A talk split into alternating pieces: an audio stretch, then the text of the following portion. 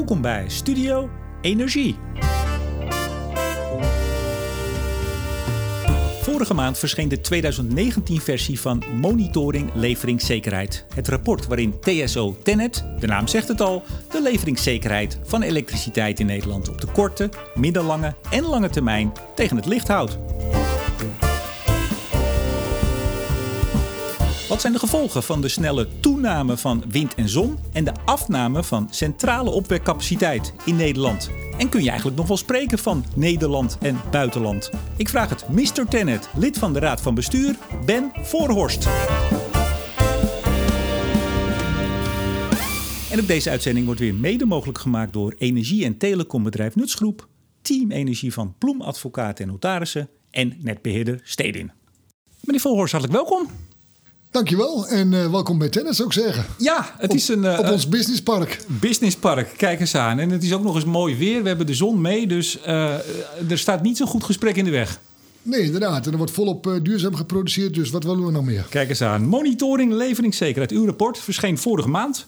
Daar gaan we het natuurlijk uitgebreid over hebben. En u kent Studio Energie. Dat is een gesprek met nuance, met detail. Daar komt alles voorbij. Ja. Maar laat ik toch eens even beginnen met een hele ongenuanceerde vraag. Die leveringszekerheid ja. door de energietransitie de komende jaren, neemt die nou af? Blijft die gelijk of wordt die misschien zelfs beter? Uh, nou, de kunst is om hem beter te maken, maar uh, het zal een, uh, een, uitdaging worden om daar een goede invulling aan te gaan geven. Ehm, en ervaring heeft geleerd door al die jaren heen dat de markt prima op veranderingen kan anticiperen. En dan hebben wij de volle vertrouwen dat de markt met die eind ook netjes gaat oppakken. Ja, niks aan het handje, appeltje, eitje. Waar hebben we het over? Nee, dat heb ik niet gezegd. Nee, ik dacht, ik, ik lok u even uit de tent. Dat, ja, dat hoor ik, maar, maar zo, zo lijkt het niet, nou, daar ga, volgens daar, mij. Daar gaan we het over hebben. u bent de man ook die hier alles van weet. Al 21 jaar bij Tenet. Mr. Tenet, zou ik bijna zeggen. Nou, dat valt wel mee. Uh, lid van de Raad van Bestuur, Chief Operating Officer. En nou kreeg u er vorig jaar eentje naast. Er zijn er nu twee. Nou, dat was al langer, maar uh, nu zijn we er heel expliciet in, ja. Oh, nou, de nieuwe is er dan vorig jaar bijgekomen. Ja, dus een collega Tim is erbij gekomen. Maar daarvoor hadden we ook, waren we ook al een team wat uit meerdere directeuren bestond. Maar toen hadden ze soms een andere titel. Ah, nee, we hebben natuurlijk Manon van Beek als, uh, als CEO. Ja. We hebben Otto, Klopt. de financiële man. Maar is het dan zo dat er twee zijn? één voor Nederland, één voor Duitsland? Nee, Of? nee? nee, dat hebben we niet zo gedaan. Want uh, we, uh, nou, we zijn inderdaad een van de eerste, uh, of nee, we zijn de eerste cross-border TSO. En we hebben in dat opzicht ons taakgebied ook verdeeld. Dat Tim neemt met name de, het bouwen en on onderhouden van de assets bij, op land en, en ter zee.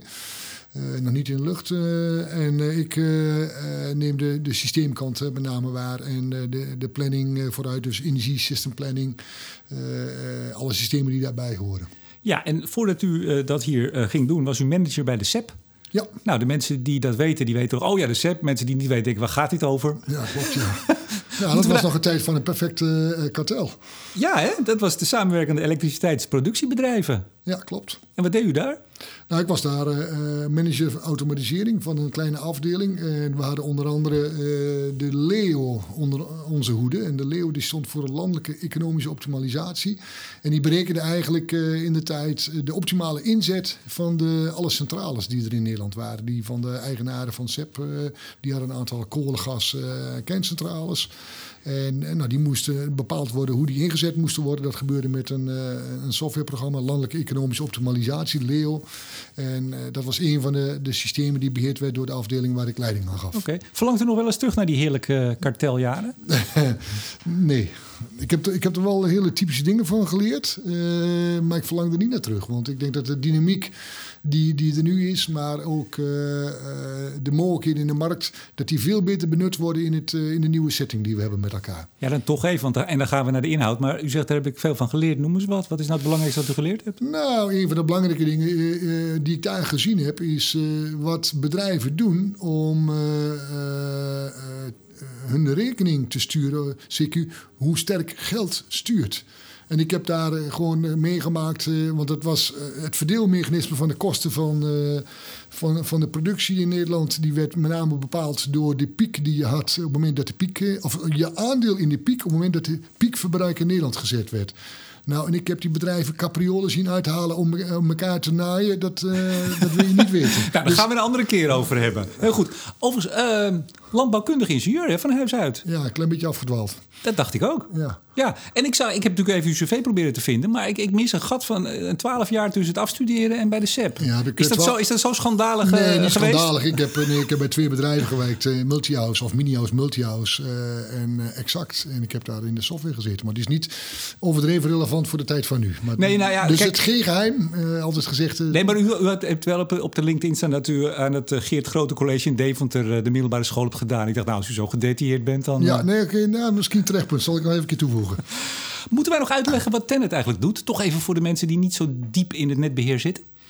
Nou, als je helemaal niet, eh, nou, net beheer, als je niet in, in, nou, in jouw dossier zit, is het toch in een energiedossier. Dan Ja, maar zou we, hebben duizenden luisteraars. En er zitten Ja, ook steeds meer mensen ja, bij Tenet- die, eh, Tenet die denken, denk- wat is een TSO? Wat is Tenet? Ja, Transmission System Operator, dus de T van transmissie van elektriciteit, eh, transport van elektriciteit. En dat doen wij door middel van, eh, nou, in elk geval alle masten die, je boven, eh, die in Nederland zien staan, de elektriciteitsmasten. daar kun je van stellen dat Tennet eh, daarvan is. Wij zorgen dat daarmee de elektriciteit getransporteerd kan worden. En inmiddels hebben we ook steeds meer kabels wat je in de grond stopt om, om elektriciteit te transporteren. doet de hoogspanning. Vooral. Eh, dus dat is allemaal hoogspanning inderdaad. Eh, en we zorgen ook voor dat het systeem draait. En dat betekent eigenlijk aan de knoppen te zitten... eh, om te zorgen dat de elektriciteit, de goede hoeveelheid elektriciteit geproduceerd wordt... op het moment dat jij en ik thuis het systeem in onbalans brengen... doordat je het licht aan of uit doet. Ja. Nou, en het, laatste, en het laatste aspect wat we doen is natuurlijk ook nog de markt helpen... en markt faciliteren om te zorgen dat vraag en aanbod elkaar kan vinden. Zeker. En, en u bent ook nog, en dat is toch niet onbelangrijk, want we gaan het straks uiteraard ook hebben over de Europese component. Want daar, dat is eigenlijk misschien wel belangrijker dan de Nederlandse. Denk ik. Maar goed, nee, daar kom ik zo. U was eh, twee jaar president van de Europese TSO-club. Ja.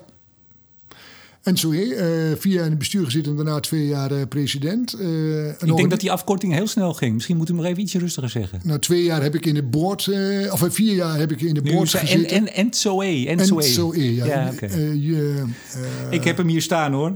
European Network of Transmission System Operators. ja, klopt. Elektriciteit. Zeker. Goed. Ehm, leveringszekerheid. Rapport is uitgekomen vorige maand. Ja. Eh, ik, ik zag een, eh, een, een mooi, ook, volgens mij ook interview met u bij, eh bij Energia. Die hadden daar een groot bericht over. En de kop was... Tenet wil leveringszekerheid tussen de oren krijgen. ja, dat klopt. Dat, nou, dat was, ik heb hem hier staan. Klopt dat? Ik had, hem, ik, had, ik had het statement niet gedaan, maar ik vond het wel een mooie quote. Die is er, of een mooie, nee, het was dus geen quote, maar wel een mooie, Mooie kop die ze er eh, ja. boven gezet bij, wie moet die tussen de oren komen? Ehm, nou, ik denk bij een aantal eh, groepen. Als eerste eh, eh, is het van belang dat degene die echt actief is in de, in elektriciteitssector, nou, dat zijn degenen die produceren, de producenten. Maar ik denk dat die hem redelijk netjes op het, op het netvlies hebben. Waar ik het mis, is met name aan de, de, de verbruikerskant. Eh, dus dat betekent de, de industrie, midden- en kleinbedrijf eh, en de consument. En de consument en daar eigenlijk ook de, de, de leverancier die aan de consumenten eh, levert. Ja, nou, nou ben ik een consument. En dan denk ik, ik heb helemaal geen zin om over leveringszekerheid na te denken. U moet daar gewoon voor zorgen met de regionale Nou, netbeheerders. dat, dat proberen wij ook. En daarentegen zal het toch zo zijn, denk ik, dat... Ik weet niet of je al zover bent, maar dat je ja, gebruik maakt van modernere middelen op het gebied van elektriciteit. Dat betekent of een elektrische auto, of dat overweegt, of een plug-in hybride. eh, of dat je zonnepanelen hebt, of een, een warmtepomp. En dan heb je dus een aantal aspecten waar je ook als consument meer betrokken gaat worden bij... wat gaat het energiesysteem eh, doen. ja, Eh, echt waar? ja.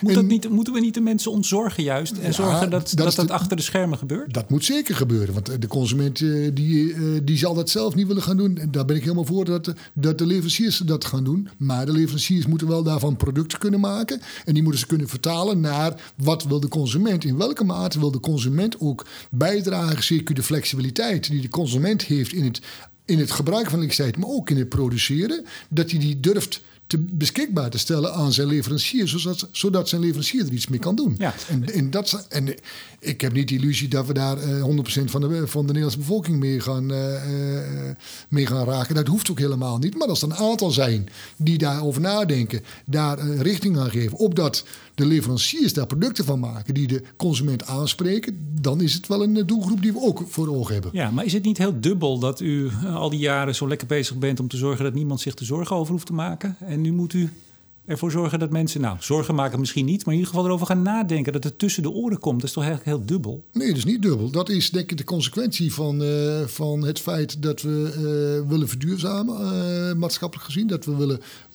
decarboniseren. Dus kijken of we ook ja, als samenleving geen emissies hebben, geen CO2-emissies.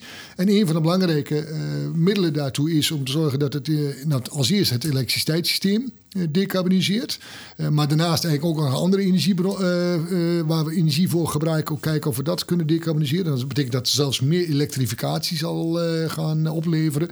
En dat betekent dus dat daar waar je elektriciteit gaat gebruiken, je het eigenlijk of zelf gaat produceren met, met, met zonnepanelen het niet, geen kwaad kan als de mensen daar meer bewust, uh, bewust zijn van hoe dat werkt en wat voor implicaties dat heeft. En daarmee dan zeggen: wacht even, ik accepteer het, ik stel mijn, uh, de, de flexibiliteit ter beschikking aan mijn leverancier, waardoor ik wel of niet een gunstig pakket kan krijgen, of een goede dienstverlening of een goede ontzorging. Want dat is wat mij betreft een product wat de leveranciers natuurlijk moeten aanbieden. Uh, onlangs nog, ik denk een week of twee geleden, was bekend dat u uh, wat aanspraak op noodvermogen moest doen. De Belgen hebben ons toen geholpen. Ja. Ja. Ehm, dat soort situaties, dat u toch even wat moet opschalen en dat er even iets meer moet gebeuren dan uh, op een gewone doordeweekse dag. Uh, ja, dat was een doordeweekse dag, maar... Uh, u begrijpt denk ik wat ik bedoel. Ja, nee, maar wat, nee, maar komen dat soort situaties vaker voor tegenwoordig? Ja, ja dat nou, komen vaker voor en die zullen naar de toekomst nog meer voor gaan komen. althans, ik heb, ik heb het uitgebreide rapport nog niet gelezen, maar in elk geval lijkt, lijkt het erop dat die dag de, de, de weersverwachtingen toch iets anders waren dan wat er daadwerkelijk met het weer gebeurd is. Uh, nou, en al dan niet in combinatie, want ik heb, nou, ik heb het rapport nog niet gelezen, maar in combinatie met andere verzetten, heb je uh, wat sneller de situatie dat op dat moment in het systeem. Uh, ja, op dit moment dan even een tekort is. Er ging, er ging een aantal dingen. Er, er, moeten een aantal dingen, zeg maar, tussen haakjes misgaan voordat je dit soort ja. moet opschalen. Ja, voordat we, als wij uit ons noodvermogen lopen, dan hebben we er meer dan 600 megawatt uh, aangesproken. Uh, en als we dan naar de buren gaan, ja, dan is, er, dan is er wel op dat moment iets aan de hand. Dat klopt. Maar ik denk dat we dat vaker uh, moeten doen. En de kunst is om te zorgen dat de markt daar ook beter in getraind wordt. Alert erop is. Maar we moeten ook kijken van, hadden ze sneller nog meer kunnen doen? en als dat zo is, hoe komt het dat het niet, uh, uh, waarom de markt niet gereageerd heeft en wat je daarvan kunt leren? Ja, u, u, kijkt nadrukkelijk naar alle partijen die het moeten doen. Hè? U bent niet die partij. Nee, nee, want wij, zijn, wij, zijn, uh, wij proberen de signalen in de markt neer te leggen en de markt het werk te laten doen. Heel nadrukkelijk. Mij viel op in de eerste alinea van de inleiding van het rapport. Daar stond de zin: het energielandschap verandert. Nou, dat, uh, ik denk dat we dat kunnen vaststellen. Het aandeel uh, duurzaam niet controleerbare bronnen uh, neemt toe, is toegenomen. En het aandeel stuurbare bronnen afgenomen. Deze trend, en daar gaat het om deze zin, gaat zich naar alle waarschijnlijkheid in de toekomst voortzetten en zelfs versnellen. Naar alle waarschijnlijkheid, is daar nog twijfel over? Nou, ik denk dat dat een wat voorzichtige verwoording is. Dat, waarschijnlijkheid kunnen we er denk ik uitstrepen, inderdaad. Nou ja, ik denk, nee, ik nou, kan me voorstellen dat zo'n rapport... U bent een zorgvuldige organisatie, zo ken ik u. Uh, ik denk, nou, er is over nagedacht nou, over maar we zijn alle waarschijnlijkheid. Want wij hebben, we hebben één, uh, één ding pretenderen we niet te weten... namelijk de toekomst te voorspellen. En daarom uh, dat dat woord waarschijnlijk en rekening houden met... nog wel eens een keer tegenkomt. Uh, maar we weten toch wel dat, dat we minder uh, controleerbare bronnen en meer uh, weersafhankelijke, ja, niet te controleren maar hoe, krijgen. Hoe snel de trend gaat toenemen, weten we niet. Nee, maar dat staat hier ook niet. Ja, maar, goed, dat is wel dezelfde zin. We stonden wel dezelfde zin. Ja, goed. Nou, dan, ga, dan wordt het taalkundig ontleden. Nou, kijk, de, de, vinger, de wijsvinger gaat omhoog, dames en heren. Ja, kijk, als jij begint. nou, nee, ja, nee, nou, kijk, begin niet. Want nee, er staat, deze trend gaat zich naar alle waarschijnlijkheid in de toekomst voortzetten of zelfs versnellen. Dus er staat ook naar alle waarschijnlijkheid voortzetten. Het staat er wel. Dus ik vond het opmerkelijk. Nou, maar ik denk dat hem, dat hem iets minder voorzichtig had kunnen formuleren. Dat punt mag jij hebben. Oké, nou goed. Het is geen wedstrijd hoor. U onderzoekt jaarlijks uh, die, die leveringszekerheid in ons land. Uh, dat doet op de korte, middellange en de lange termijn. Zo staat het er ook. Uh, nou begrijp ik dat 230 voor Tennet... Ik heb wel eens uw CEO Manon van Beek gesproken. Die zegt altijd, ja 230 dat is voor ons morgen. Maar nou blijkt dat die, die lange termijn, in dit rapport althans, dat is 230. Wat is dan voor u ik bedoel, hoe moet ik die, die kort, lang, midden, lang dan zien? Hebt, hebt u eentje naar buiten toe en hebt u er eentje intern? Of is dat... Nou, dus, er zijn natuurlijk een paar zaken waar we mee te maken hebben. In de langere termijn. Als wij nog infrastructuur moeten bouwen... en we moeten vandaag nog beginnen aan een project... en we moeten nog een nieuwe lijn eh, bouwen... dan 2030 kunnen we op ons buik schrijven. Dat lukt niet meer. Ja, dan is het dus morgen, of eigenlijk gisteren al. Ja, dus dan is het al gisteren. Ehm 2030 op gebied van de leveringszekerheid. Eh, als je daar nog activiteiten wilt ondernemen, dan is daar nog, eh, daar zijn daar nog mogelijkheden toe. Dus het is ook een beetje afhankelijk van welk onderwerp je het hebt, of er wel of niet nog aanpassingen mogelijk zijn die ook daadwerkelijk impact hebben. Nou, die zijn bij leveringszekerheid eh, zijn die er in onze ogen. Eh, ehm, en, en dus daarom is het wat moeilijk om precies te zeggen wat is de lange termijn. Ja, maar in dit rapport gaat het over kort tot middellang is het 20, 220, 225 en lang is 225, 230. Hè? Ja, eh, ja 230 en, en, en daarna ook nog doorkijkend. Want daar probeer je ook wel beelden bij te krijgen. Als je bijvoorbeeld kijkt naar ehm, een van de aspecten is van... nou, wordt er wel of niet nog geïnvesteerd? Zie ik blijven bepaalde eh, pro- productiemiddelen eh, in bedrijf. Eh, moet je niet alleen kijken van... ja, in 2030 is, is, een, is een meetjaar waar je iets doet.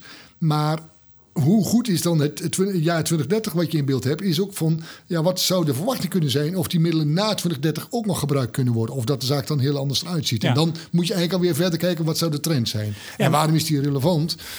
Als je kijkt naar de verduurzaming, eh, de, de, de doelstelling, we zitten nu met, met een 49 of de 55 procent eh, target op 20, zitten we naar 2030 te kijken.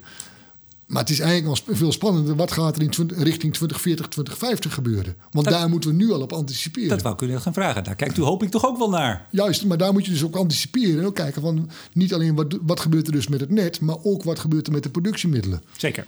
Nou, even daarover gesproken, want ik zag staan in uw rapport dat u hebt, heeft meegenomen het klimaatakkoord en de doorrekening van het ontwerpklimaatakkoord. Oftewel niet de doorrekening van het klimaatakkoord. Die kwam denk ik te laat voor uw deadline. Heb, heb ik het zo goed begrepen? Ja, voor de, de, de laatste doorrekening.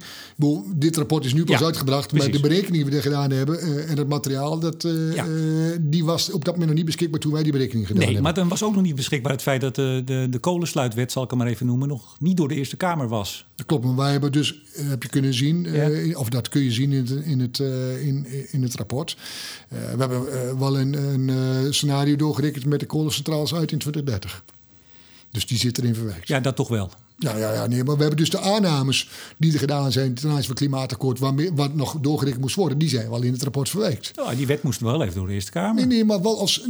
Nee, maar wij, je, je ziet in het rapport dat er dus een aantal scenario's doorgerekend zijn. Want wat ik net al zei, een van de meest moeilijke dingen is de toekomst voorspellen.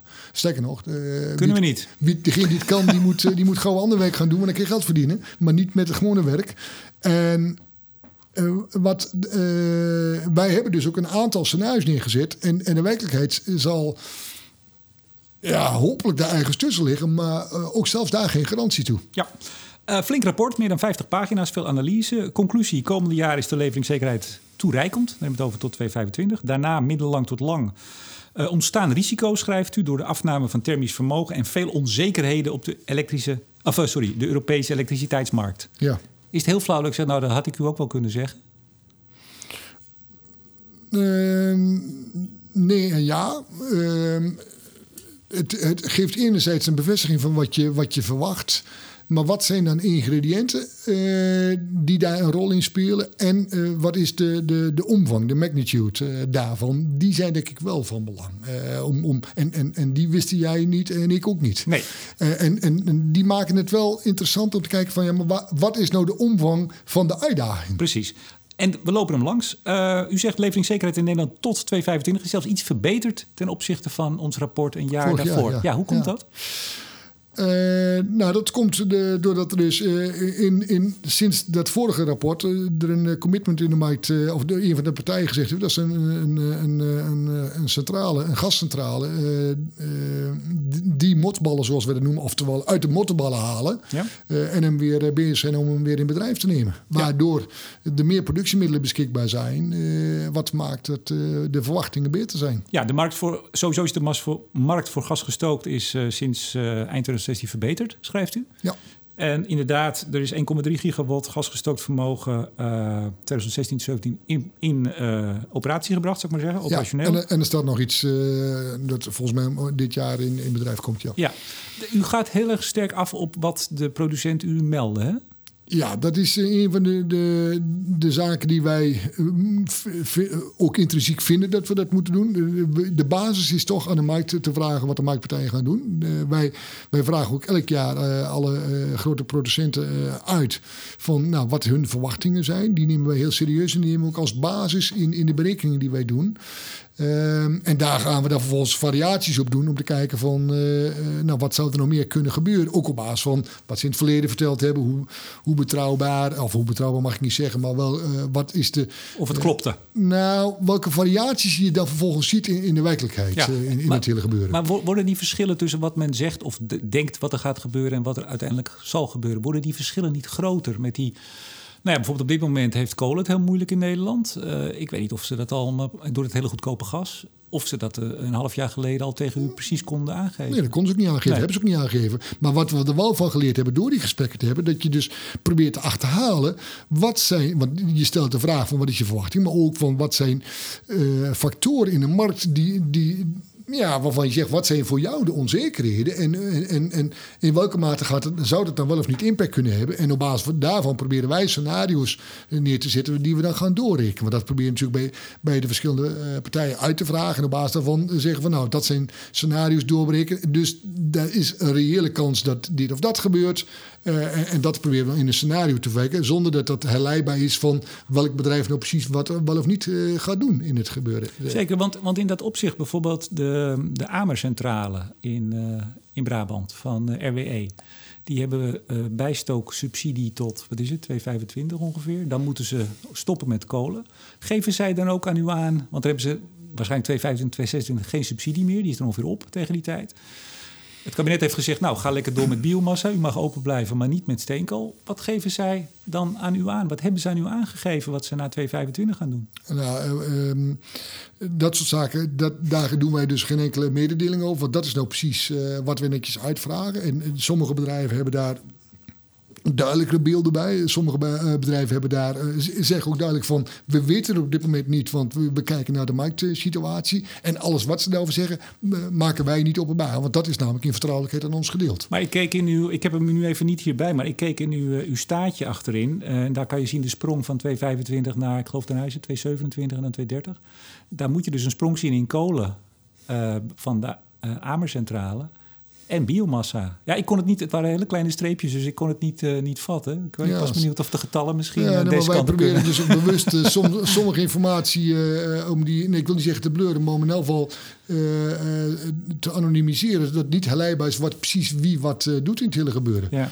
Anderzijds moet je ook heel reëel zijn. Het zijn natuurlijk hele grote eenheden. Dus soms denk je te kunnen vermoeden van wat erachter zit. Ja.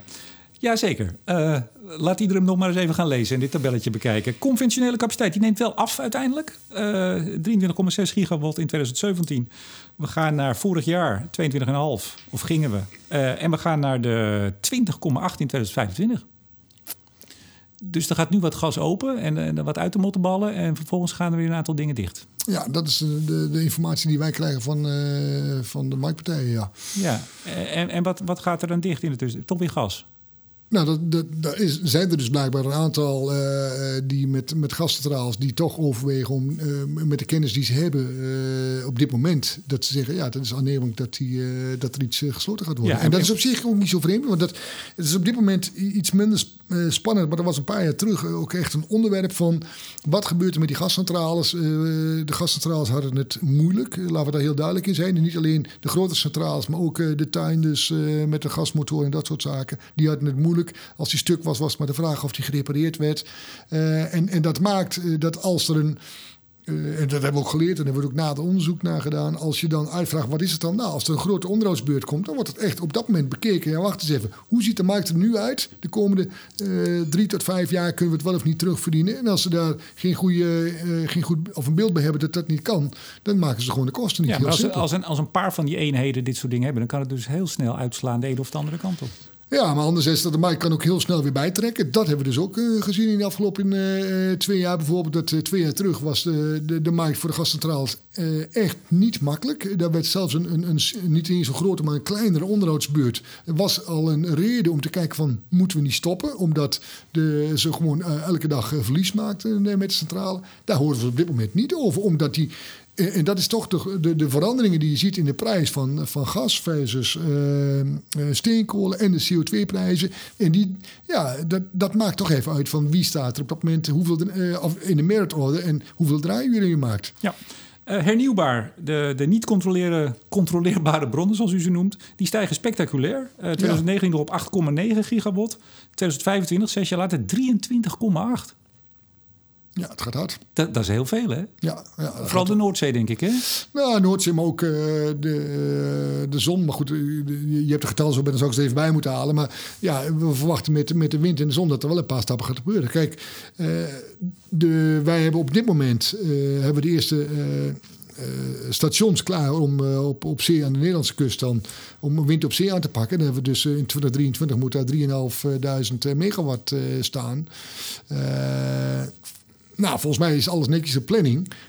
dus die, die tikken er behoorlijk in. Ja, maar het is bijna 15 hè? van vorig jaar tot 2025. 15 ja, nou ja, en dan een partij, een partij zon erbij. Ja. Maar dit zijn gigawatt, hè? pas op, dit zijn geen gigawatturen.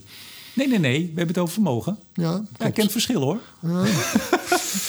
ja, oh, blijkt me wel eens interviews tegenover u die dat verschil niet kennen. Nou, dat dat maar ik een nou, beetje. Laat, ja, maar laat ik dan toch even een vraag stellen. Hoeveel uh, aansluit, meer aansluitcapaciteit heb je nodig voor zon versus wind op land? Poel, weet ik niet.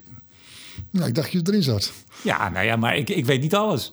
Nee, oké, okay, maar dat is toch een factor. Uh, een moderne windturbine op land, die, die moet iets van 3000 uur kunnen draaien. uh, vollasturen.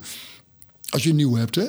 En, uh, en, zon komt toch echt niet veel verder dan, uh, of eigenlijk niet verder dan 1000. Dus als je daar de, de volle capaciteit wilt ontsluiten, dan zit je toch met een factor 3 meer aansluitcapaciteit nodig. Het is nu heel flauw om te zeggen dat ik dat van de volle sturen wel ongeveer wist. Maar ik dacht dat u iets anders vroeg. Nee, het ging maar. Nou, oké, okay, dan hebben we elkaar niet goed begrepen. Nee, maar het gaat er en wel... dan, dan, ga ik nog iets in de strijd gooien. De, de capaciteitsfactor van wind op zee. Die is natuurlijk fantastisch. Hè? We gaan het aan de 50 procent. Nou, die gaat uh, richting de. Tussen meer de, zelfs? Tussen de 4 en de 5000 uh, roept men dat ja. het die kant uh, op gaat, ja. Nou. Maar het is nog geen 8600 uur. Nee, zeker niet. Um, na 2025. Wat dan? Want we hebben het hier even de getallen 2025, hè, de, de, de vermogens. Ja, je ziet dat, dat dan de, de, de onzekerheden toenemen. Uh, dat zie je ook in de analyse, dat, dat de spread groter wordt uh, voor de verschillende varianten. En uh, ja, als ik het wist, zou ik het zeggen. Wij weten het dus niet, daarom maken we die analyses ook. En dat betekent dat je daar moet kijken van, ja, wat zouden de, de varianten kunnen zijn? En wat, en wat, wat if als een van die scenario's waar gaat worden? Ja. Wat vinden we daar dan van? Nou, daar hebben we volgens ons getracht een, een stukje analyse op los te laten. Ja, en een van de conclusies is importafhankelijkheid ja. neemt toe. Op een aantal momenten zal er zelfs sprake zijn van een hoge importafhankelijkheid. Is dat erg? In onze ogen niet, uh, maar je moet je wel goed realiseren wat, uh, wat dat betekent. Uh, importafhankelijkheid hebben we natuurlijk in het verleden veel meer gehad. Toen, toen, waren we, leunen we zwaar op het buitenland en, en, was het ook geen issue. Toen werd de vraag gesteld van bouw nog alsjeblieft wat meer interconnectiecapaciteit... zodat we op een moment zelfs nog, nog meer binnen kunnen halen, ook om de prijzen... Maar toen stond er bijvoorbeeld ook nog heel veel centrale opwek. Dat weet ik, weet ik. Maar, maar dat was wel om... om en je was afhankelijk van, van, van import. En we wilden zelfs meer capaciteit binnenhalen om daarmee de prijzen eh, gelijk te maken in Europa. Daar zijn we ook mee aan de slag gegaan. Want de, de importcapaciteit is, en ook exportcapaciteit trouwens daarmee, is significant toegenomen sinds die tijd. Maar is, en dat staat ook netjes in het rapport. maar het, is, het wordt wel een iets ander soort importafhankelijkheid. En dat maakt ook dat we de, eigenlijk een van de. Ja, de, de nou, ik weet niet of het. Uh, ja, het is wel een. De uitdagingen zijn uh, maatschappelijk gezien. En dat bedoel ik ma maatschappelijk in, in, dit deel van Europa. Uh, wat gebeurt er in het buitenland? die zijn met dezelfde soort processen bezig. en hebben daar met elkaar in beeld van. Uh, hoe, hoe, het systeem zich gaat gedragen afhankelijk van uh, momenten van schaarste en waardoor komt die schaarste. Ja, daar, daar gaan we, komen we straks uh, zeker nog uitgebreid op terug. U zegt ook in deze passage over importafhankelijkheid dat omgekeerd een nationaal vermogensoverschot niet leidt tot extra leveringszekerheid omdat wij niet onderdeel zijn, ja. niet automatisch, omdat we onderdeel zijn van die Europese elektriciteitsmarkt. Ja. Kun je überhaupt nog wel praten over Nederland en buitenland in dit? In onze ogen niet, nee. Ja, je probeert, waar je direct invloed op hebt als Nederlandse overheid, is datgene wat er wel en niet in Nederland gebeurt. Maar het is niet dat je daarmee bepaalt wat er in Nederland gebeurt. Uh, uh, dus ik, ik, denk je ook heel voorzichtig moet zijn om zeggen van alleen over Nederland te spreken. dat is ook een van de grafieken die laat zien van hoe groot is die, die import- en exportruimte. En, en dan de tekorten. Maar ik heb het laatst ook eens een keer een plaatje laten maken van als je de import capaciteit kijkt versus bijvoorbeeld de, de, het verbruik in, in, een, in, een, in een nacht in mei. Ja, dan schrik je, of nou schrik ja, ik, ik schrok er wel van hoeveel die, importruimte is, of die exportruimte. En die heeft dus significant impact op het, uh, hoe het systeem hier draait in, in Nederland. Ja, ziet, ziet u wel eens politici misschien uitspraken doen in de Kamer of in de krant, waarvan u denkt, nou hartstikke mooi meneer of mevrouw, maar daar gaat u helemaal niet over? Nou, niet, niet zozeer wel of ze wel of niet uh, daarover gaan. Uh, um, ik denk wel dat, dat men af en toe eh, shortcuts maakt in de, in de discussies. Terwijl ik denk dat de vraagstuk wel een, ma een maatje groter is. En dat, is ermee, eh, dat heeft alles mee te maken van... Als je denkt dat je kunt aansturen in Nederland... is dat je daarmee zaken geregeld hebt. Dat is natuurlijk gewoon niet zo. De, de import... Nee, het is een Europese markt. We zijn zwaar en goed verbonden met het buitenland. En dat, heeft, dat brengt ook heel veel goeds. Maar dat betekent ook dat datgene wat in het buitenland komt, eh, dat importeer je ook qua beleidsmaatregelen, qua invloed en dat soort zaken. Ook qua prijsstelling, daar zijn we heel blij mee. Ja. Nou, nou staat er ook uit uh, de integrale analyse van het Europese model. Hè, voor het, noemt het het basisscenario. Blijkt dat uh, dankzij die koppeling met het buitenland. de leveringszekerheid in Nederland op de middellange termijn goed kan blijven. Is dat nou weer zo'n voorbeeld van een voorzichtige formulering? Als u het zeker weet, zou zeggen, het blijft zo. Maar u zegt, het kan zo blijven. Ja, kan blijven. En dat is namelijk uh, een van de, wat, wat we net al, al, zeiden... van wat er verandert ten aanzien van met importafhankelijkheid... Uh, ten opzichte van, van tien jaar terug. Want toen waren de, stonden de centrales die ook, waar een knopje op zat... hadden of zachter draaien of niet starten. ook in het buitenland zie je de veranderingen die ze doorvoeren met, en de decarbonisatie. En dat betekent hetzelfde proces wat we hier zien, gebeurt daar ook. En eigenlijk gaan de de, de, de productieparken in de landen gaan meer op elkaar lijken. Uh, en ja, dat is toch echt anders dan, dan tien jaar terug. En dat heeft tot consequenties dat uh, twee dingen waarom we daar toch voorzichtig zijn met buitenland. Enerzijds van uh, doordat het meer gelijksoortig wordt, dat je dus ook meer uh, gelijksoortig uh, blootgesteld bent aan ja, common cause factoren. En dat is dan in dit geval het weer. En zeker als het weer over een groot gebied van Europa iets gaat doen.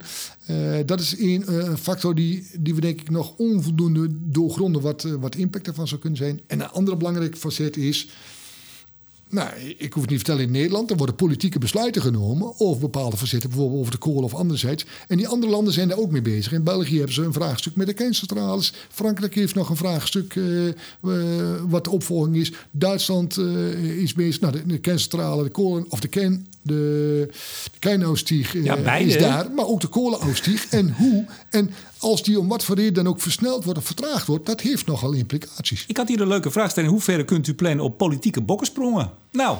Niet?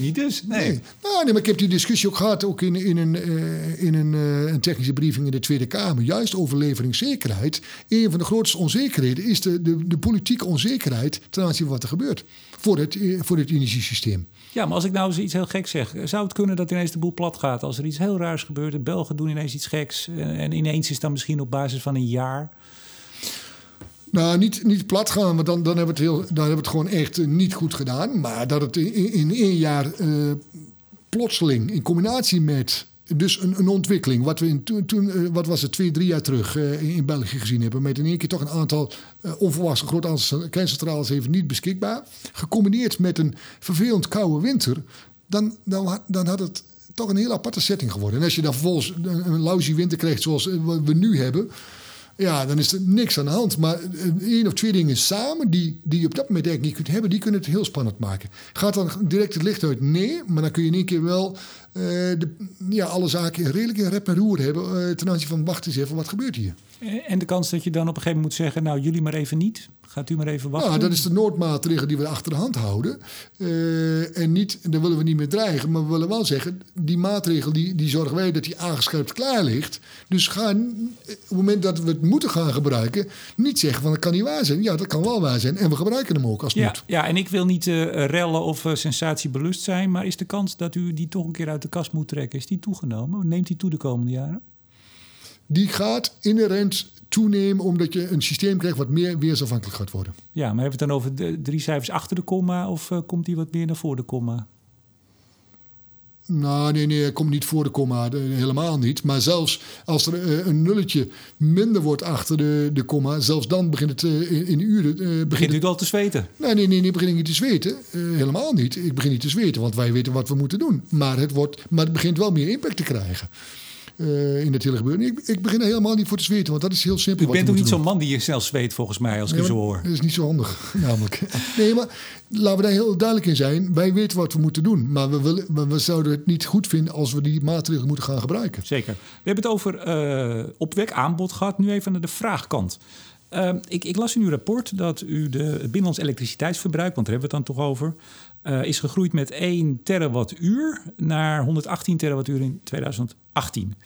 Uh, dat is 2 terawattuur meer dan wat u in de vorige monitoring rekening mee had gehouden. Um, toen ik dat las, dacht ik, nou, dat is op, op een jaar tijd toch een, een, een echt fors verschil. Dat kan dus. Ja. Hoe ja. komt dat, dat het zo'n verschil heeft kunnen zijn? Nou, ik heb, we hebben daar geen uitgebreide analyse van gemaakt. Uh, ten eerste was het, uh, maar dat is al, uh, denk ik, meer dan ja, meer dan tien jaar terug was het eigenlijk zo dat elektriciteitsverbruik één op één uh, gekoppeld was uh, aan uh, ontwikkeling van nationaal bruto product. dat was gewoon die twee waren nou, echt heel, heel strak gecorreleerd. en dat is eigenlijk weggevallen, ook zeker na, na, de crisis en dat soort zaken. En nu zie je dat eigenlijk enerzijds energiebesparing de, de flink, bijdrage levert dat er geen groei is van, van dit elektriciteitsverbruik, terwijl er toch groei hebben van, uh, van de economie. Um, een van de dingen die, die waarschijnlijk uh, het laatste jaar weer meer begint te, te, te tellen is. Ehm, hoe heet dat? Datacenters die toch echt significant uh, stroom uh, beginnen te gebruiken. En, en dat we dat beginnen te zien. Maar ik heb eerlijk gezegd geen, geen grondige of geen, geen, uh, geen analyse gezien intern ten aanzien van wat er precies aan, aan de grondslag ja. ligt. Nou, nou gaat u voor dat basisscenario, zoals dat heet, in 2025 uit van 119 terawattuur. in 2030 van 120. Toen dacht ik, als je op een jaar tijd al er twee naast kan zitten, hoe, met alle respect uiteraard, hoe serieus moet ik dan deze inschatting nemen? Als je op tien jaar zeg nou, maar, wat, kijk, wij schatten er ook niet, alleen in. Wat we daar proberen te doen is ook de, de, de, de ontwikkelingen en, en de verwachtingen van, uh, die de overheid maakt. Uh, een aantal uh, gelieerde, of tenminste overheidsinstanties die proberen daar verwachtingen te doen. Die, die nemen wij ook als basis. en enerzijds zijn we voor je gevoel zeg je ook dat, dat dat klopt niet met het feit dat we meer willen elektrificeren en dat soort zaken. Dus, uh, en anderzijds uh, zie ik iedere keer weer, uh, en hoor ik ook iedere keer weer, dat, dat bijvoorbeeld de elektriciteitsverbruik bij, de, bij, bij bedrijven en in de gebouwde omgeving, als je daar ziet wat daar nog mogelijk is aan energie of elektriciteitsefficiëntie en besparing. Ja. Dat, dat schijnt echt enorm te zijn. Uh, en, en, dat, en, en dat die dus nog heel lang kan compenseren... van wat we op een aantal fronten meer elektriciteit gaan gebruiken. Dat is de verklaring uh, daarvoor. Maar ik ben het helemaal met je eens dat als, als er een, een, een aantal van die sectoren... In, in de decarbonisatie echt fix overgaan tot, tot elektrificatie, dan kan het in één keer significant uh, toenemen. En dat is ook een, zeker, dat was ook een van de discussies die we hadden aan, aan de klimaattafel. Uh, nou, we hebben dan aan, het, aan de elektriciteitstafel gezeten. Maar de vraag die we stelden, ja, hoeveel elektriciteit kunnen we of moeten we afzetten straks? Want ja. als we 49% of 55%, ja, van hoeveel elektriciteit moet dat gebeuren? Was al een beetje maar dat vraagt tussen tafel wie dan welke CO2 mocht meetellen, zeker de tonnen kreeg en dat soort zaken. Maar, dat vraagt iedereen zich af, we weten het niet. Nee, we weten het niet. Uh, en uh, wat je ziet is, en, en, en, en, dat is denk ik wel waar men zich nu veel bewuster van is, willen we de door middel van elektrificatie zorgen dat, uh, dat we dus minder uh, uitstoot hebben, minder emissie hebben in bepaalde processen. Ja, dan, dan lijkt elektriciteit een, een, een goede kans te maken. En hoe kunnen we dan ook zorgen dat er voldoende duurzame elektriciteit beschikbaar is? En dan zie je in één keer dat voor een paar jaar terug, als wij zeiden van we willen iets bouwen, zeiden partijen van kun je niet naar de buren gaan? En we zien nu bijvoorbeeld de industriegebieden aan de kust die zeggen ja, mag alsjeblieft die, die kabel van het windpark mag die bij ons komen, want dat gaat industrie ook weer naartoe. Dus je ziet daar wel een, een, een nieuwe, nieuwe trend ontstaan. Ja, volgens mij willen ze in Limburg ook nog wat kabels hebben graag. Ja. Ja. En, iets anders vorige week, althans, nee, deze week, we, hebben dit, we nemen dit de week voor dat dit uitgezonden wordt op. Dat is uh, meteen even gezegd. Was ook weer een bericht bij Energia. Energia valt vaak uh, vandaag. Um, scenario-studie, systeemintegratie. en u moet me even zeggen hoe het nou precies staat, want misschien zeg ik het niet goed. Het zou mogelijk zijn als dat echt goed wordt ingezet, dat er in 2030 een extra stroomvraag is van 30 terawattuur. Op die 120 die u zeg maar in het andere rapport schat. Ja. Dat is echt bizar. Zoveel. Ik bedoel, als je het hebt over 1, 2 terawattuur op 10 jaar. En ineens zeg je nou, als we nou echt die systeemintegratie flink aanpakken, zou het wel eens 30 terawattuur extra ja, Maar wat je dan ziet, dan zijn. Dan, de, waarom maken we die scenario's om te kijken van uh, welke infrastructuur moeten we uh, ontwikkelen? Uh, en dan ook nog een keer de elektriciteit, maar ook wat gebeurt op gas en wat gebeurt er op andere infrastructuur als waterstof, al dan niet CO2 en, en, en, en, dat soort zaken. En wil je daar iets aan kunnen rekenen, dan moet je scenario's hebben zeggen van ja, die zijn niet compleet onvoorstelbaar, of ja, die, niet compleet beyond uh, wat, wat je zou kunnen bedenken. En kijken van wat voor infrastructuur zou je daarvoor nodig hebben om dat mogelijk te maken. Zo moet je die, die, die, die scenario's bekijken ten aanzien van die infrastructure outlook. En we hebben dat uh, ook aan de elektriciteitstafel al een aantal keren zitten te berekenen van ja, als de industrie de slag gaat maken om voor een aantal processen uh, echt elektrificatie gaan toe te passen. En, en dat kunnen we bij elkaar brengen. Dat, in, dat de infrastructuur er is, dat de elektriciteit er is en de industrie op tijd klaar is.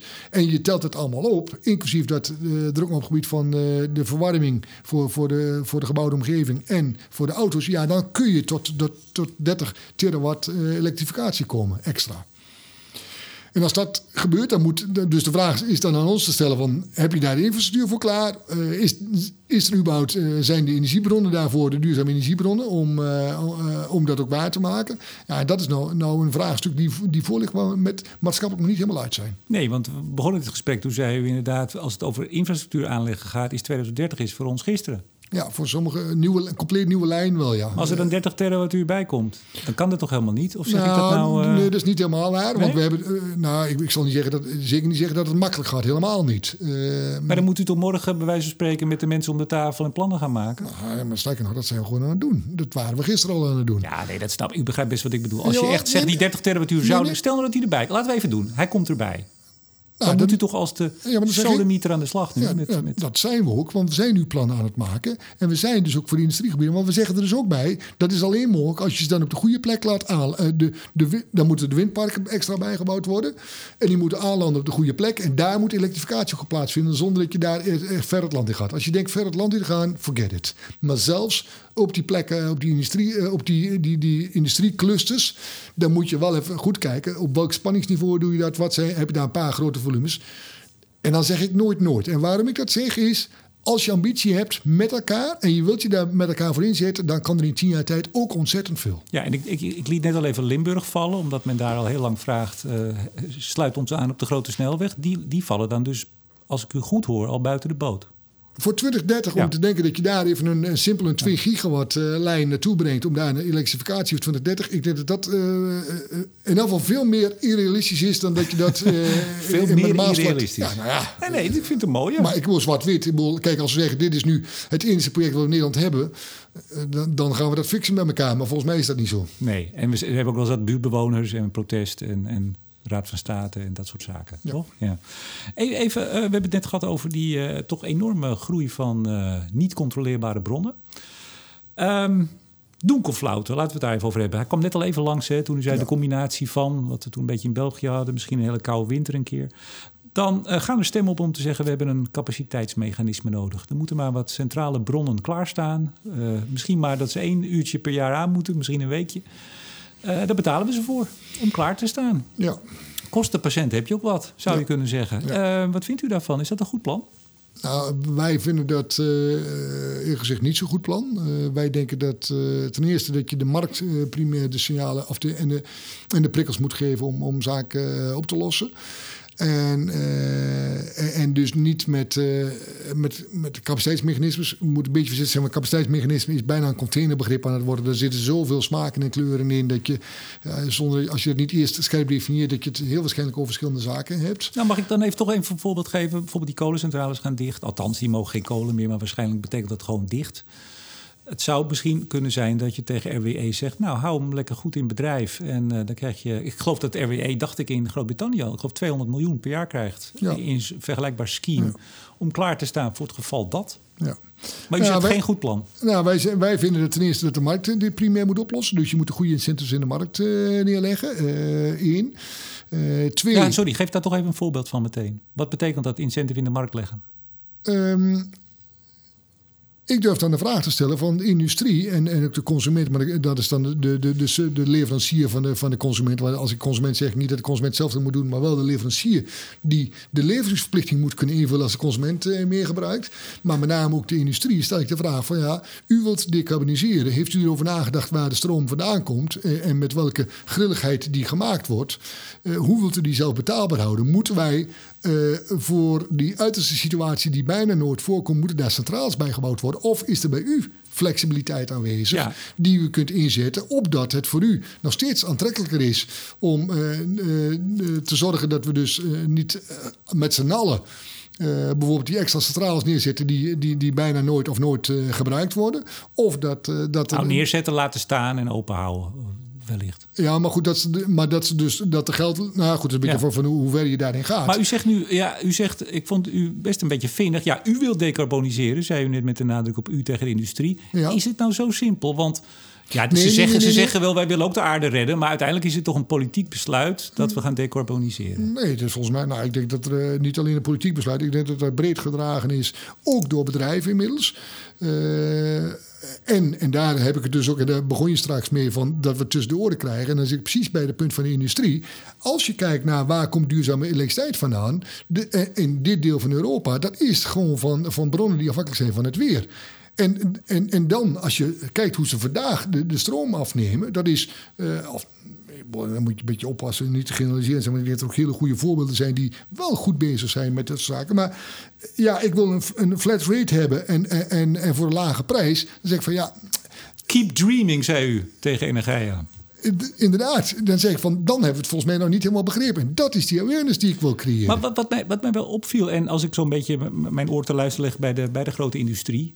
Uh, het is best een opvallende uitspraak van een, een, netbeheerder die er eigenlijk toch voor moet zorgen, nou ja, als onderdeel van het systeem, dat er gewoon stroom uit het stopcontact komt. Dat u zegt, ja, jullie moeten er zelf ook maar eens voor gaan zorgen. Ja, omdat zij namelijk die besluiten, zij kunnen intern een analyse maken wat voor hun goedkoper is. Of dat we maatschappelijk dat moeten doen via elektriciteit en dat er dus voldoende centrales zijn die niet of nauwelijks uh, gebruikt worden, maar waar de kosten wel gedragen moeten worden door de maatschappij.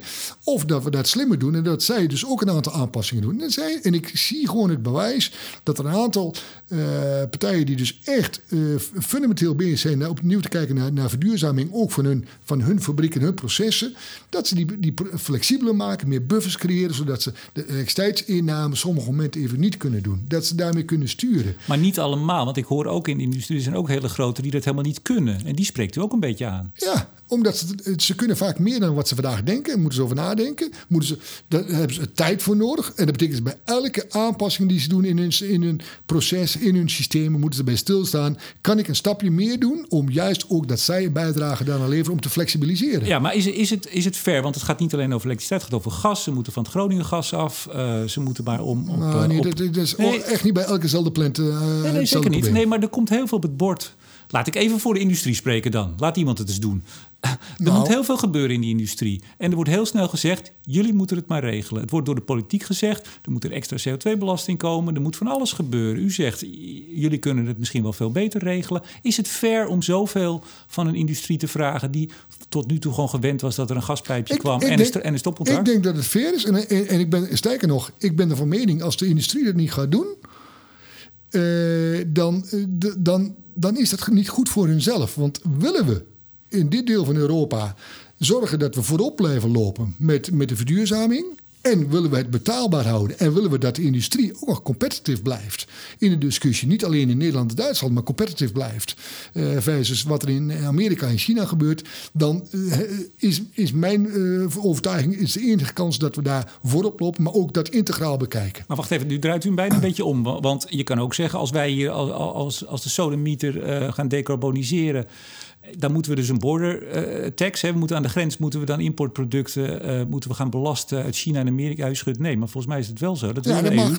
Nee, maar dus je kan ook zeggen, juist door heel hard te decarboniseren, krijg je een competitief achterstand. U zegt het andersom. U zegt als je het niet doet, dan heb je een achterstand.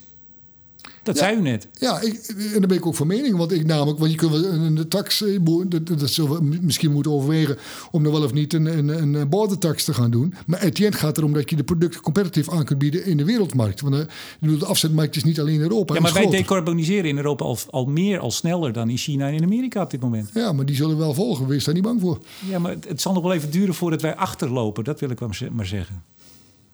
Don't be surprised. Nee, dat, in deze wereld zijn we nooit meer verrast. Nee, nee, nee, maar... Nou ja, goed. Uh, ik denk dat er, dat, dat er ook uh, continenten zijn waar dingen nog sneller kunnen gaan dan hier. Nou, ze kunnen in ieder geval in China heel snel ziekenhuizen bouwen. Dat hebben we wel gezien. Ik heb, ik heb ze ook andere dingen zien doen. Ja, het is ook wel een ander politiek systeem daar, hè? Nou ja, uh, maar het is wel een systeem wat het toe gaat doen. Ja, en ze bouwen ook heel veel kolencentrales nog. En kerncentrales. En wind en zon, zeg ik er altijd bij. Zeker, heel waar. Demand-side response. Daar komen we dan op, hè, bij de industrie. Moet wel een oh, nog iets zeggen, hè? Nee, ik wou niks zeggen. Nee, je, je zei het zelf netjes, dus ging goed. Ja, ja, goed, zo. Ja, ja, ja. Demand-side response, daar hebben we het dan over, hè? Voor een deel. Als het gaat over het bij de industrie neerleggen. Kunt u even toch voor mensen die er misschien niet nou, in zitten... Die respons is dat degene die dus inderdaad elektriciteit verbruikt... dat die uh, soms het verbruik kan aanpassen... op het moment dat daar behoefte aan is aan de markt. En dat is dus typisch het geval uh, als de, de prijs hoog is in de elektriciteitsmarkt... dat ze dan de flexibiliteit hebben om iets minder stroom te gaan gebruiken. Of in ieder die afweging goed maken. Ja, die capaciteitsmarkt is dus al in een, in een paar landen... in verschillende vormen misschien. Bestaat dit al op, op een redelijke schaal?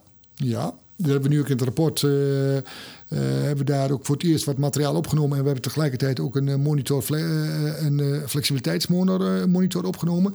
Wij denken namelijk, willen we succesvol en betaalbaar vooral kunnen decarboniseren, dat we die, dat de verbruikskant meer flexibel moet laten zijn. Dat, dat monitoren we. En die is echt tot veel in staat. we hebben daar ook getracht de eerste vingeroefeningen te doen van hoeveel is dat? En, 700 megawatt. Ja, klopt. En, en we proberen om de markt te stimuleren om dat op te pakken en kijken of we die ook zien groeien.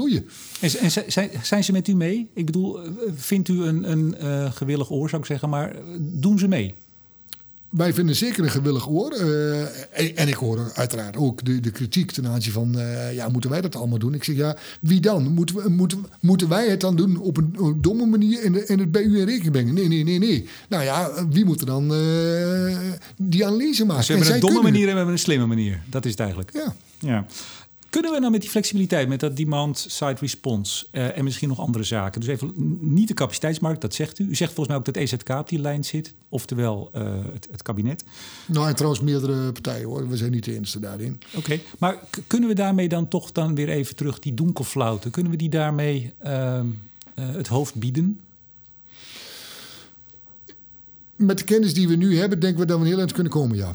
En, en dan is het een beetje de eh, de vraag, uh, en, en, en, daar moeten we ook met elkaar nog meer studie aan gaan doen, tot en met, uh, met KNMI en dat soort zaken, van hoe gaat het weer zich ontwikkelen? En dan bedoel ik van niet voor de dag van morgen, maar hebben de klimaatveranderingen die, waar we nu mee te maken hebben, wat voor impact gaan die hebben van wel of niet langere periodes uh, met geen wind. Want dat is met name de factor die, uh, die erg verstorend is en ook de meeste risico's veroorzaakt voor het systeem. Ehm, en kun je, Etienne, en daarom is het van belang om toch ook naar 2050 te kijken. met de kennis die we nu hebben, is alleen, alleen, elektrificatie niet toereikend. We zullen met de kennis van nu iets moeten hebben in de vorm van, van moleculen waar je energie in kunt opslaan. Um, en als dat voldoende voor een, een, een, goede prijs gedaan kan worden, dan, en de moleculen kunt gebruiken, dan kan er waterstof zijn, maar je kunt er van waterstof ook allerlei andere uh, producten maken. Ja, dan denken we dat er, dat er echt wel een mogelijkheid is om, die, om, om het donkerflout ook te over, overleven. De vraag is wel, ja, als je nou mikt op 2030 en je krijgt net in 2030 ja, een, een, een, een, een, een koude winter, of een, een, net een Elfstedentocht die we zo graag willen rijden. En dat betekent gewoon een langere periode weinig, uh, weinig wind en, en kou. Oh, dan, dan, dat zijn wel spannende dingen. Anderzijds, een keer een goede prikkel. En dan hoef je liever niet tot 2030 te wachten. Is wel goed om de markt zich te laten realiseren. En wat bedoel ik met een goede prikkel? Dat het iets schaarser wordt en dat, het, en dat de TSO's dat adresseren, de regeringen wat nerveus worden en dat de prijzen omhoog gaan. En dat is precies de prikkels die je nodig hebt in de markt om de, om de, de marktpartijen, de industrie, eh, de leveranciers beter te laten eh, anticiperen op dit soort zaken naar de toekomst ja, toe. U, u, bedoelt niet wat ik nog wel eens gekscherend in de markt hoor. Het zou mooi zijn als we gewoon één dag, één dag maar een keer geen stroom hadden. Dan zou er zoveel beter in dit land geregeld worden daarna. Nee, ik zou het iets anders willen uh, formuleren. Ik ben op zoek naar. Uh, ik vind dat iedereen eens in de tien, nou eens in de vijf jaar recht heeft om één uur uh, gepland geen stroom te hebben om daarmee te oefenen wat hun dan overkomt. Maar ik ben nog steeds de gemeente aan het zoeken die zich vrijwillig aanmeldt om daarmee te beginnen. Nou, ik trek vanavond bij ons thuis alle stoppen eruit een uur. Nou, zullen, zullen, we dat doen? Nou, dat is, nou, ja, ja doe, doe, jij het, ik doe het niet. We gaan, we gaan, we gaan naar het slot. Uh, even rapport. U hebt conclusies getrokken.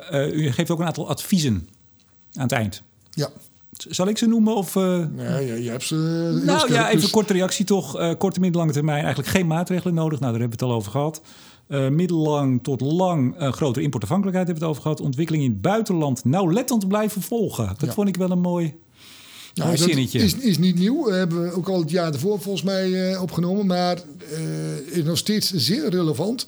En dat is toch de oproep aan, aan de minister. Uh, bon, de minister de, doet het ook wel, maar we, we schrijven het ook wel even netjes op. Uh, uh, niet alleen de oproep.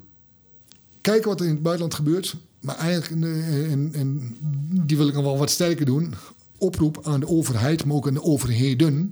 Als jullie maatregelen overwegen op het gebied van de energiemix, aan support schemes, uh, supportschema's voor, uh, voor duurzame energie, maar ook kijken naar als je maatregelen wilt gaan nemen voor de levenszekerheid, stem dat met elkaar af voordat je definitieve besluit Ja, u zegt neemt. de samenwerking moet echt beter, schrijft u. Ja, ja, ja. Die is dus niet goed. Niet goed genoeg voor de uitdaging die we voor ons staat. Die, die, was, die was toereikend voor de uitdaging van, uh, van, uh, van vijf jaar terug. Die is niet goed genoeg uh, naar de toekomst toe als we het, het, ook nog een beetje betaalbaar willen houden. Ja, u ziet denk ik ook de, de politieke constellatie die we in Nederland hebben. Die ziet u ook in andere landen. Ik geloof dat België ik zou bijna zeggen, hoeveel jaar hebben ze al geen kabinet? Nou, dat is overdreven, maar ze zijn weer een nieuw record aan het vestigen. Ziet u die betere samenwerking die echt nodig is, ziet u die ervan komen? Ja. Want dat is denk ik ten eerste een van de dingen die. Uh, uh, als je in het energiesysteem kijkt, meer en meer mensen begrijpen hoe dat, hoe dat samenhangt. Ik bedoel, dat neemt tijd. Ik bedoel, dat zal niet overnight uh, gebeuren. Uh, maar ik denk dat daar alle signalen op staan dat, dat daar toch meer aandacht voor komt. Dat zal niet makkelijk gaan. Er zullen hier daar zullen een keer ongelukjes gebeuren. Maar uh, daar komen ook landen nu achter, regeringen achter, dat als ze dat niet doen, dat ze daar ook soms een, een, een, een, een te hoge rekening voor Ja, maar u praat af en toe in verkleinwoordjes. Dat vind ik heel charmant. Ongelukjes. Er zal wel eens een ongelukje kunnen gebeuren? Waar hebben we het dan over? Nou ja, uh, het voorbeeld uh, in Duitsland om overnight uh, de kerncentrales austiek te doen. En dat zonder met de buren te consulteren. Dat noem ik dan ongelukjes van niet afstemmen met het buitenland. En, wat, en kijken wat de implicaties daarvan zijn. Want, want ik vind u best optimistisch. Moet er niet gewoon echt een keer even iets, iets nou, misgaan? Ik heb het dan niet over dat we in het donker zitten. Maar dat er echt wat meer de nood aan de man is. Nou, er, is niks, er is niks mis aan een goede storing. Maar die wil ik hier vooral niet uitroepen. Uh, maar ik zou wel zeggen... Volgens mij deed dat wel zojuist, maar goed. Een goede storing is dan wat anders dan een, uh, een calamiteit. Uh, la, la, want als het echt misgaat, heb je gewoon een calamiteit te pakken. Maar een, een, een, een keer een, een, een winter met, uh, met, waar de prijzen wat oplopen. En dat wij beginnen te mijmeren over hmm, zit er nog wel of niet die afstedentocht in. Maar ook dat de prijzen, omdat het wat meer in Europa is, in Frankrijk en Duitsland ook. En dat de prijzen iets omhoog gaan. Ja, daar is, dat, zou, dat is helemaal niks mis mee. Dat, dat helpt echt aan die bewustwording. Ben Voorhorst, uh, COO, een van de CEO's van Tenet. Hartelijk dank voor dit gesprek. Graag gedaan. Was me ook mijn kant een plezier. Kijk eens aan, mij ook. Ik bedank ook deze week weer energie- en telecombedrijf Nutsgroep, Team Energie van Ploem Advocaten en Notarissen en netbeheerder Stedin voor het mede mogelijk maken van deze uitzending. En uiteraard bedank ik jou, beste luisteraar, voor het luisteren. Mijn naam is Remco de Boer. Graag tot volgende week.